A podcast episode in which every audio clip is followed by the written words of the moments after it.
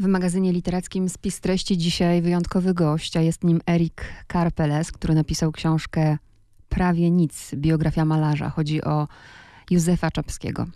Mój pierwszy kontakt z Józefem Czapskim był w liceum, kiedy przygotowywałam się do olimpiady historycznej. Tak, przeczytałam wtedy książkę do nieludzkiej ziemi. A jakie było pana pierwsze spotkanie z Józefem Czapskim jako autorem? Kiedy to było? One day, about seven years ago, Pewnego dnia musiało to być jakieś 7 lat temu. Mój przyjaciel z Paryża przysłał mi książkę. Powiedział, słuchaj, ta książka cię na pewno zainteresuje. Dlaczego? Dlatego, że ja jestem malarzem i bardzo interesuję się Prustem, a książka, którą mi przesłał, również była napisana przez malarza i traktowała o Pruście. Bardzo dobrze a, mi się ją a, czytało i bardzo się zainteresowałem także autorem tej książki. Interesował mnie zarówno ton, którym przekazywał informacje, jak i same informacje, które w tej książce się znalazły. Bardzo wtedy zacząłem się głęboko zastanawiać, kim mogła być osoba, kim mógł być ten człowiek, który książkę napisał. Książka sama z siebie była malutka, zastanawiałem się, że mógłbym ją w sumie przetłumaczyć na język angielski, ponieważ była napisana po francusku i tutaj dochodzimy do tego, co naprawdę jest ciekawe. A Proust e, napisał tę książkę w latach, e, Czapski przeczytał Prusta w latach dwudziestych, natomiast w latach czterdziestych, gdy znajdował się w a, rosyjskim obozie w Łagrze, tę, y, te rzeczy, które przeczytał w Pruście i to, co w Pruście wiedział, przekazywał swoim a, współwięźniom, polskim oficerom. Proszę sobie wyobrazić człowieka, który przeczytał książkę po francusku i wiele lat później odtwarza te wszystkie wywody Prusta w więzieniu, w Łagrze, swoim towarzyszom niedoli, y, Polakom na ziemi rosyjskiej w języku francuskim. Było to coś, co bardzo silnie do do mnie przemawiało. Zdecydowałem, że człowiek, który czegoś takiego się podjął, jest na tyle interesujący, że można zainteresować się nim dalej i właśnie stąd wzięło się przekonanie, że powinienem napisać także o jego życiu. Tak się ta podróż zaczęła, no i właśnie doprowadziła mnie tutaj do RMF Classic. Taki mój krótki komentarz. Mówi pani o olimpiadzie w latach 80., czyli w czasie, kiedy Czapski jeszcze żył. I to jest właśnie coś, co a, przywodzi mi na myśl jeszcze jedną taką rzecz. Przecież a, Czapski dożył do 1993 roku, natomiast my bardzo często postrzegamy go jako a, podmiot biografii, kogoś, kto a, gdzieś tam funkcjonował w przeszłości. Przechodzimy przez pewne okresy braków wiedzy. Proszę, a, bardzo nagle widzimy, że człowiek, którego lokalizujemy gdzieś w przeszłości, jeszcze żyje.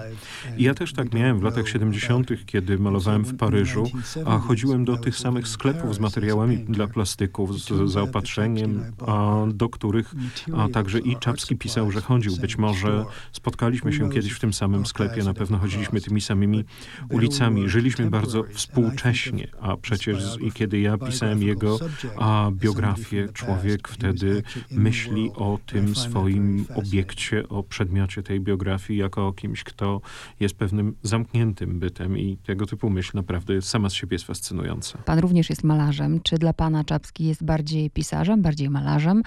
I think the title of the book Wydaje mi się, że sam tytuł polski wraz z podtytułem mówi sam za siebie. Biografia malarza. Opowiadam o, o tam, gdzie opowiadam o Czapskim, cele moje są inne, kiedy zwracam się do publiczności polskiej, a kiedy zwracam się do publiczności anglojęzycznej amerykańskiej. Amerykanom muszę wyjaśnić kontekst, historię, politykę i jej intrygi. Natomiast tutaj w Polsce wiem, że te rzeczy są Państwu znane. Tu i, tu i tam jednak na pierwszy plan niech wysunie się malarz. Między innymi, między tymi wszystkimi elementami, które, jak mówiłem, w Polsce niekoniecznie są o, tak potrzebne. Czapski to w Polsce przede wszystkim świadek historii, to osoba publiczna, natomiast ja przedkładam nad tą osobę tego Czapskiego, o którym właśnie chcę pisać także dla Polaków, czapskiego malarza. A jakby pan opisał to jego malowanie? Wiem, że kolor był dla niego niesłychanie istotny. Tak, jak najbardziej i to na bardzo wielu poziomach. To jest coś, co według Czapskiego było koniecznością dla polskiego malarstwa. I to nie malarstwa tego dawnego, które było dobrze znane, ale malarstwa mu współczesnego, czyli malarstwa teraźniejszego.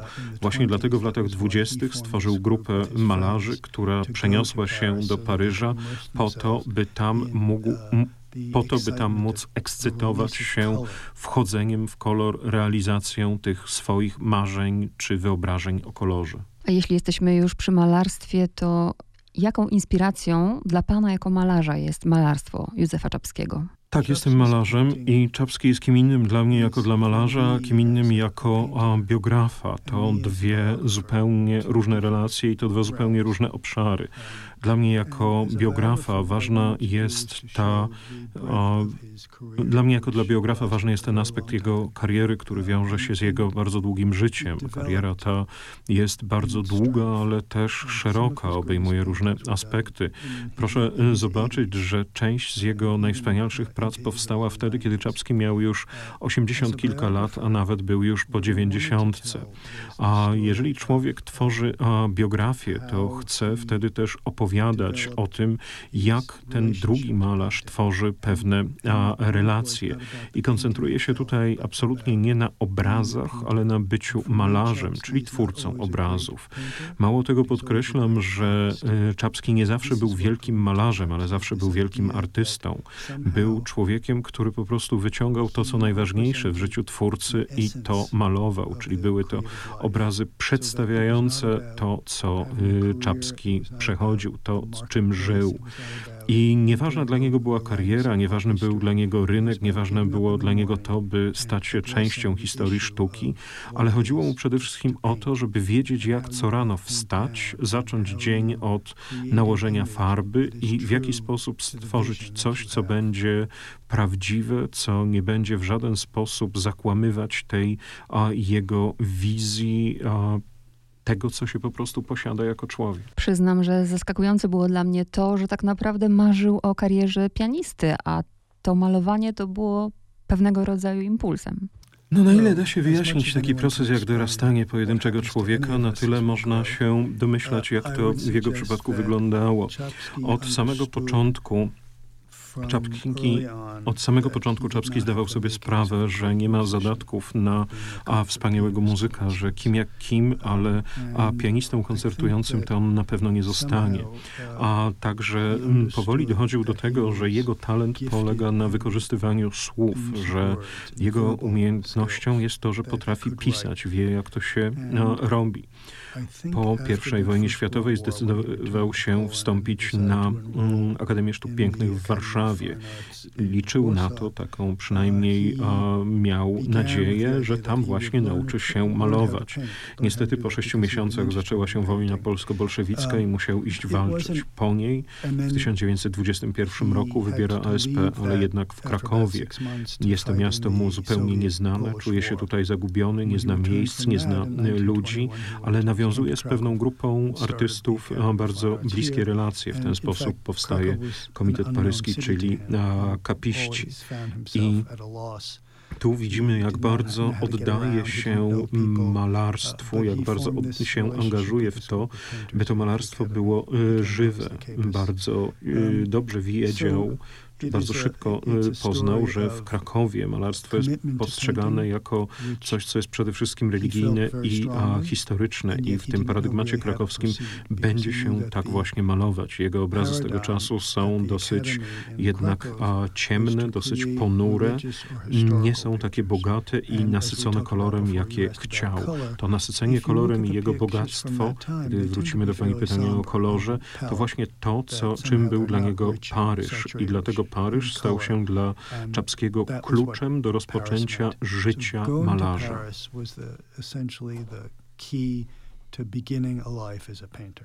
W swojej książce przytacza pan rozmowę Czapskiego z pewnym dziennikarzem, e, kiedy rozmawiają o malarstwie Czapskiego i wtedy reporter stwierdza, że no to malarstwo jego jest banalne. Zwykły stolik nocny, sznurek na blacie. A artysta odpowiada, tak to prawie nic, ale to prawie nic oznacza wszystko. Czy właśnie to było inspiracją do, dla tytułu? Tak, właśnie w tych słowach zrozumiałem, jak wyglądała relacja Czapskiego do świata, jak wyglądał jego stosunek do świata. Jest to jego reakcja na bodźce wzrokowe.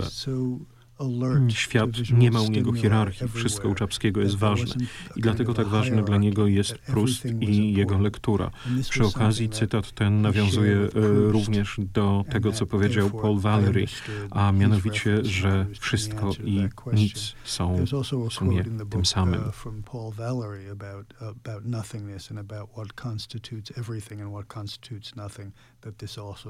A dlaczego wybrał pan akurat ten obraz na okładkę polską, bo wydanie amerykańskie zdobi inna inny obraz, lampa i umywalka, a polski autoportret z żarówką.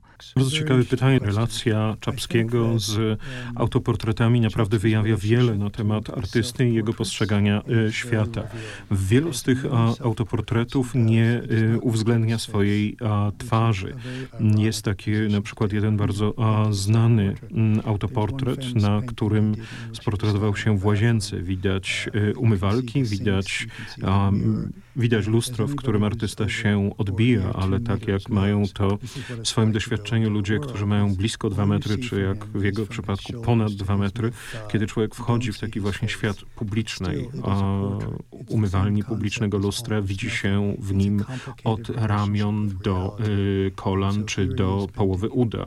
I to właśnie też przytrafiło się a, artyście i to w jednym ze swoich autoportretów odwzorował. Taka bardzo złożona relacja z rzeczywistością, która cię otacza.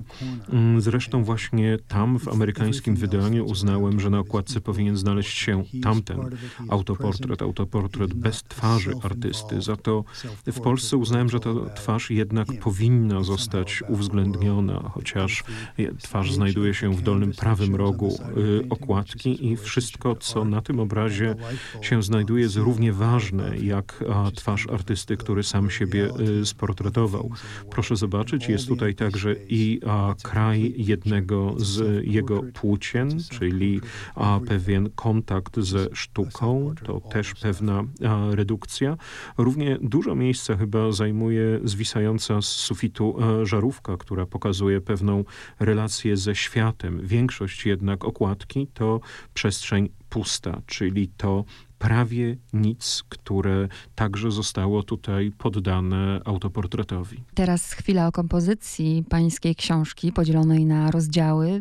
Zaczyna pan tak, jakby to wyglądało w pracy malarza. Najpierw ground, czyli podmalówka potem jak Czapski stał się malarzem, ale wyjaśnijmy ten termin podmalówka. Podmalówka. Podmalówka to coś, od czego malarz zaczyna, kiedy chce nieco zawęzić paletę dostępnych kolorów, a z drugiej strony nie chce, by tym dominującym kolorem stała się biel. Jest to po prostu coś, co pozwala dziełu nadać ogólny ton.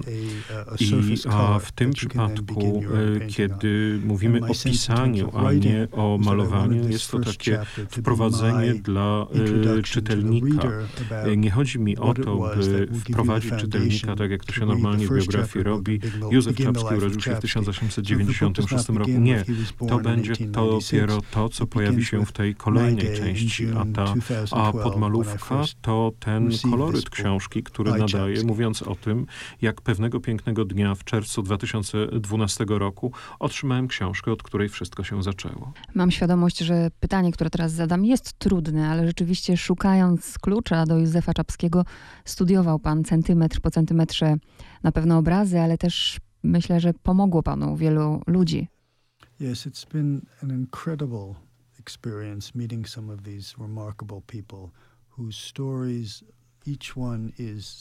tak, to jest naprawdę niewiarygodne doświadczenie. Człowiek spotyka zupełnie.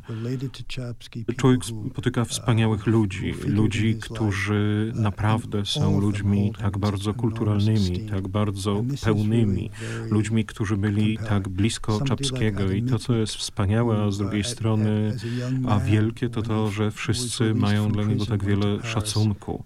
A wśród tych y, ludzi, poza a, Wojtkiem Karpińskim, poza Adamem Zagajewskim jest na przykład Adam Michnik, który pojechał do Paryża jako młody człowiek zaraz po tym, jak tylko wypuszczono go z więzienia i pierwsze miejsce, do którego się tam udał, to był oczywiście Maison Lafitte. Mm, ci wszyscy ludzie są dla mnie tak bardzo, ci wszyscy ludzie mają dla mnie tak bardzo otwarte serce, także i dlatego, że chcieliby, żeby Józef Czapski był lepiej znany w świecie. A jest taka szansa teraz, także i dzięki tej książce, że Czapski wróci do współczesnego dyskursu, do którego należy. Jego obrazy są czymś, co jest niezmiernie współczesne, a nie są w żaden sposób obciążone jakimś takim tłem konceptualizmu. Nie ma na nich tego ciężaru. On po prostu coś widział, rysował i tutaj jest ta bezpośredniość, ta natychmiastowość kontaktu i przekazu. This painting is enormously contemporary, and I, I lost a bit. Sorry. Um, it, um, it, it, it doesn't. It's not. It's not weighted with conceptual mm -hmm. um, baggage. It's just about what he sees, mm -hmm. what he draws, and then what he paints. Okay, thank you. Sorry. Nie chciałbym urazić czyichś uczuć, a ludzi, którzy mi pomagali, było naprawdę bardzo, bardzo um, wielu.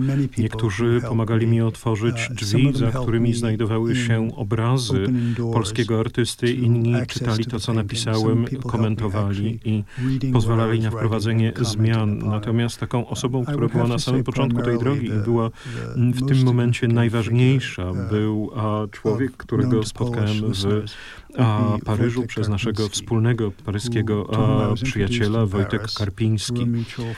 Y, gdyby on nie wyczuł, że to, co mam mu do zaproponowania, go interesuje, gdyby to, co miałem mu do zaproponowania, nie zainteresowało Wojtka Karpińskiego, prawdopodobnie ta książka nigdy by nie powstała, ponieważ to właśnie on y, trzymał wszystkie klucze, które były potrzebne do otwarcia, do poszerzenia tego przedsięwzięcia. O, miałem bardzo dużo ograniczeń. Proszę pamiętać, że nie mówiłem w języku polskim. Oprócz tego zbyt mało wiedziałem na temat a, polskiej kultury. Natomiast Karpiński był po prostu uosobieniem, był epitomem kultury a, polskiej.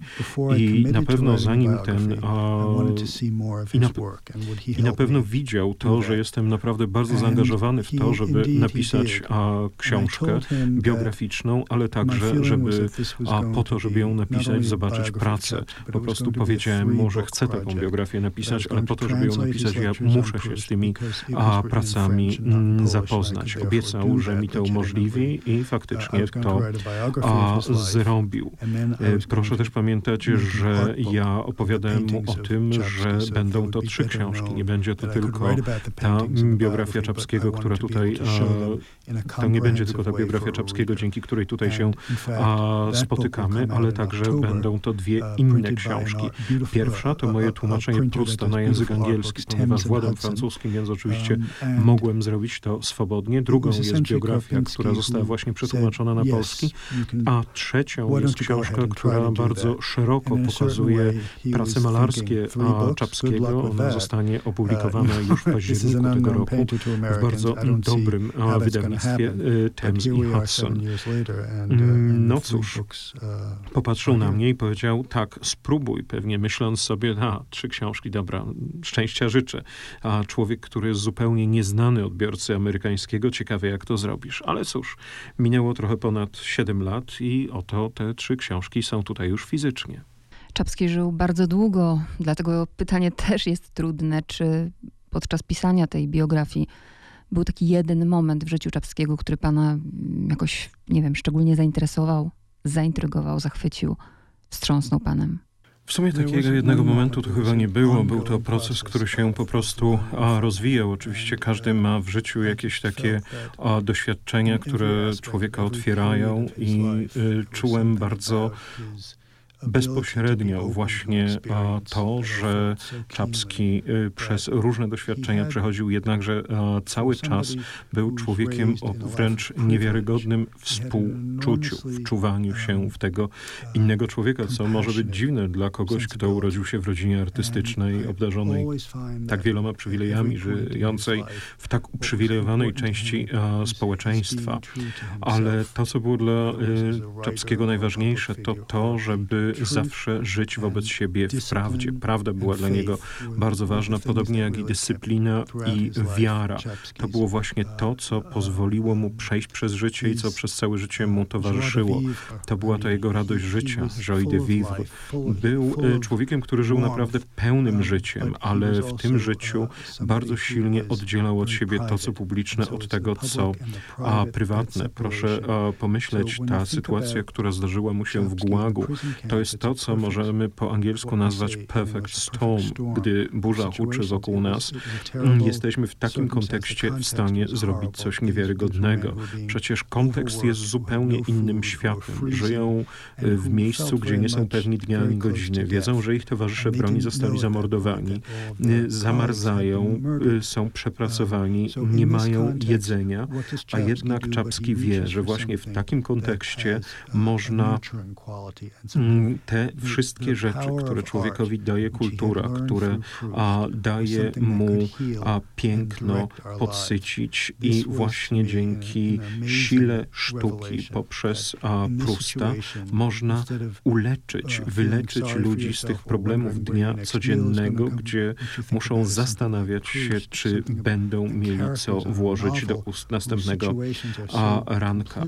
I, i y, opowiada im opowieści, w której a przecież sytuacja, w której kontekst jest tak zupełnie inny niż ta sytuacja, w której się znajdują. I w ten to sposób przez sztukę można przekroczyć wszystkie te ograniczenia, które narzuca na nas y, życie codzienne. I właśnie zachowanie w takiej sytuacji pokazuje, jak wielkim i wspaniałym człowiekiem był Czapski. Ponieważ wiem, że nasz czas się kończy, dlatego obiecuję, że to już ostatnie pytanie, ale związane poniekąd z życiem osobistym Czapskiego. Wiemy, że jego przyjaźń z Ludwikiem Heringiem była wspaniała, ale też proszę opowiedzieć o miłości, bo chyba tak to można nazwać w związku specyficznym z Anną Achmatową. Jest wiele typów miłości, a naprawdę Czapski był człowiekiem, który przez wiarę ułożył sobie relację z Bogiem i na jej podstawie umiał znaleźć i zrozumieć miłość. Jego osobistych relacjach bardzo często pojawiała się miłość. Pytasz o Annę Achmatową. Były to dwie osoby pełne a, fermentu, um, pełne tego napięcia, które pozwalało im żyć w rzeczywistości bardzo y, przeciwnej im. To były dwie osoby wybitnie twórcze, kreatywne. Um, Przecież Achmatowa nie spisywała swoich wierszy na papierze, komponowała je w głowie i powtarzała je a ludziom, ponieważ zapisanie tych wierszy na papierze byłoby niebezpieczne. A Czapski w podobny sposób w latach 40. nie mógł być, nie mógł oddawać się temu, czemu chciał, nie mógł malować. Spotkali się w Taszkencie w czasie, w którym w mieście było mnóstwo tego artystycznego fermentu, w mieście, w którym było mnóstwo e, twórczości, twórczych działań. I tak naprawdę y, byli to ludzie, którzy w momencie spotkania żyli takim życiem, które było bardzo dalekie od głównego celu, które dla tego życia sobie stworzyli.